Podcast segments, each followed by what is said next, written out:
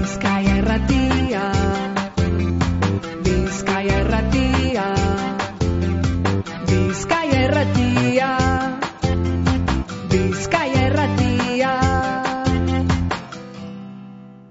Derioko erdigunean dago kokatuta Mariko Baso espazioa, urkiola kalean e, zehatzago. Gontzal e, Jauregi eta Txerra Rodríguez, Mariko Baso espazioko kideak, egun on bioi. Egunon. Bueno, konta iguzue, zer da Mariko Baso? E, zer dela eta martxan jartzen da, ze behar izanetik e, jaio da?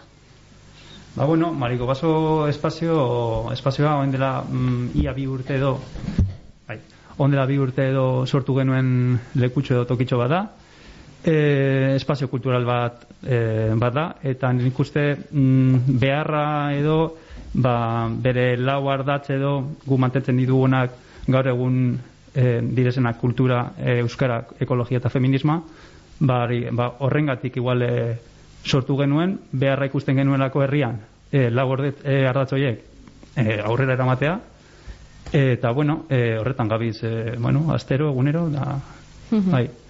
Herrian bada izen bereko auzo bat ez da? Bai. Txarto espagauz. Bai. Konta iguzue, ia. Bueno, apur baten, guk hartu gendun izena, e, bueno, ba, auzo hori, bueno, berez, bazterreko auzo bat da derion, edo samudion, segun eta nundi behiratzen den, zati bat derio dalako eta beste bat samudio dalako, baina, bueno, auzoa dago e, kanposantua eta e, aireportu artean, eta horrek baldintzatu dago auzoa bera, bai, ba, oso baserri gutxi geratzen dira auzo horretan, eta, bueno, guk horrekin gura gendu egin zan, bueno, ba, guk lantzen dugu zan e, lau balore horiek derion apurbet bazterrekoak zirela, eta gura gendu zan e, erdigunera, e, zentrora ekarri, bai. Eta karri dozue, erdigunera, derioko erdigunean dago alako mariko baso, eta esan dozue, lau ardatz, lau oinarri horren inguruan, nortzuk batzen zarie, lau oinarri horren inguruan. Ba, bueno, hasiera batean, e, elkartegintzatik e, zetozen kide batzuk e, bildu ginen, nire kasun adibidez ez da, ez da hori, ze neu e, elkartegintzan edo, ba, pitin bat kanpotik ibilinaz, ba, e, holan izan zan hasiera pitin bat mariko gasoren inguruko sorrera edo. E, ikusten genuen, ba, bete behar batzuk, e, ondino, ba, bete barik edo ba, zeudela, eta holan, holan bildu ginen. E, batzuk e, tximinte e, Euskara elkartetik, beste batzuk kosak e, talde feministatik, eta gero baita ere, ba, bueno, e, jai batzordeko kide batzuk mm, uste zuten mm, leku bat edo tokia behar zutela, eta horra hasi ginen batzen, eta lekua edo espazioa egiten. Eta ia bi urteko bibilbide labur horretan, ez da? Esan geinke, eh, zelako bilakaera izan dago espazioak. Bueno, ba, ia bi urte hauetan, ba, laro mar, egun bat, eh, ekitaldi indoguz e, mariko bason bai, danerik apur bat, e, ba, bueno, ba, kultura ekitaldiak oietako batzuk, ikastaroak behin doguz, eta abar, eta abar, bai, bueno, ba, e, mariko baso guk espazioa da, baina prozesua ere bada, eta zentzu horretan, bueno, ba, ari gara apur baten e, beti gauza barriek edo beti gauza desberdinak egiteko e, bueno, a, gogoagaz, edo ez dakit zelan adirazi, bai, apur baten hori da, bai, beti gauza bar, e, barriek, gauza diferenteak egiteko, bai, hori da apur baten ibilbidea, eta bueno, jarraitzen dau, eta bueno, gaur egun mariko baso hau da, bai, bueno, ez dakigu emetik urte betera izango da, bai. Egun ekitaldi inguru urte bitan, e, azaroko agendan, bueno, begiratzen e, ibili gara, Domeka kolgetan, zineforuma, artizautza sokea, bizkaiera ikastaroa, pintzada feminista, danetarik, daukazue? Lehen esan duzu, danetarik. Bai.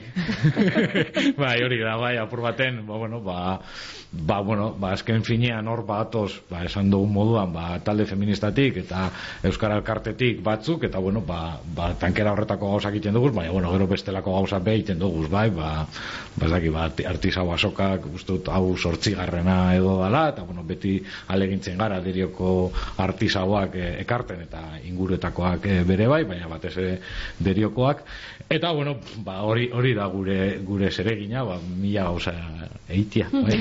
Egonaldi artistikoak antolatzeko asmoa bai badaukazue, eta horretarako deialdia zabalik izan dozu, ez da? Konta iguzue?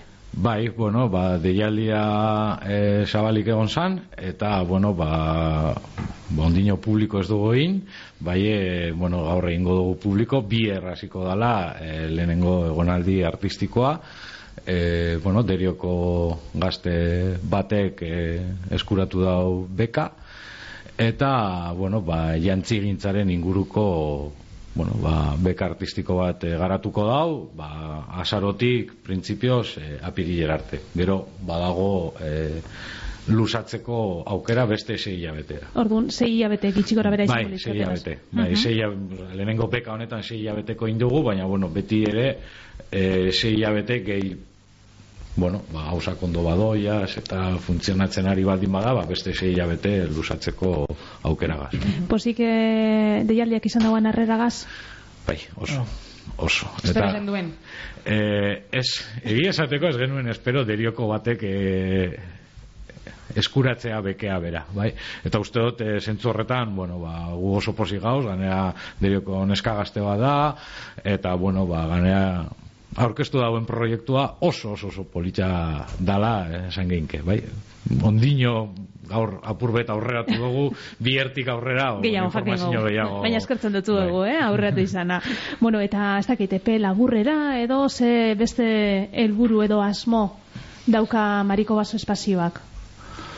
Bueno, batxarrak esan dagoen moduen, eh, egoro ero gabiz eh, bai, pasuak emoten. Batzutan ez dakigu igual, bai eh, metiki batera, bi betotera, bai buruan eh, pitin bat, eh, ez dakit, ide- idei bat, edo etorkizuneko, eh, bueno, bai, idei edo proposamen bat, baina nola goaz eh, egunero, ez dakit, eh, pausoak emoten, ba, batzutan, ba, bueno, ez dekogu horre eh, limite bat, edo ez dakit nola saldu, baina, bueno, gitxi gora bera hori da.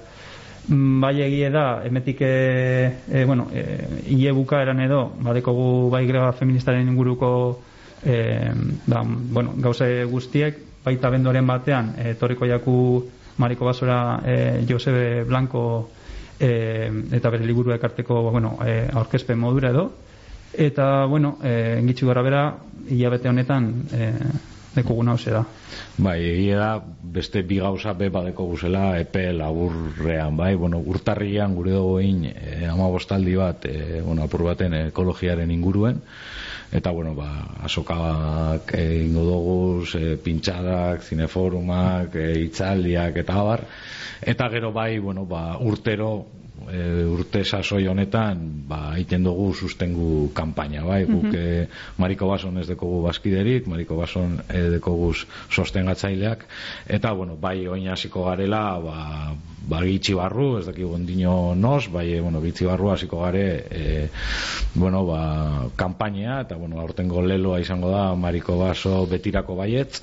Eta bueno ba amesa da behintzat, e, bueno, ba, hortik, ba, diru partida majo bat ateratzea, ba, bueno, eskenean Mariko Basok be, badeko zelako behar izanak, e, diru premiak eta abar, ez dugu esan, baina, bueno, Mariko Baso espazio autogestionatua da, e, guk geuk egiten dugu ekitaldi guztiak, ez dugu diru laguntzerik eskatzen, ez dugu e, inoren baimenik ez ezer eskatzen, eta guk egiten dugu e, danak geure baliabide propioekaz, bai? Eta orduan, bueno, ba, beti behar da, ba, bueno, ba, jendeak sostengatzea, eta, bueno, ba, diru partida batzuk ere hortik e, ateratzea, bai? Ba, Gontzal eh, Jauregi, Txerra Rodríguez, eskerrik asko, bertera atortzeagaitik, eta Mariko Baso espazioa geuri aurkesteagaitik. Zueri.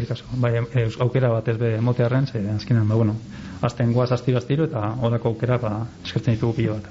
Ondo segi bideoko. Bai, Agur. Agur. Bizkaia erratia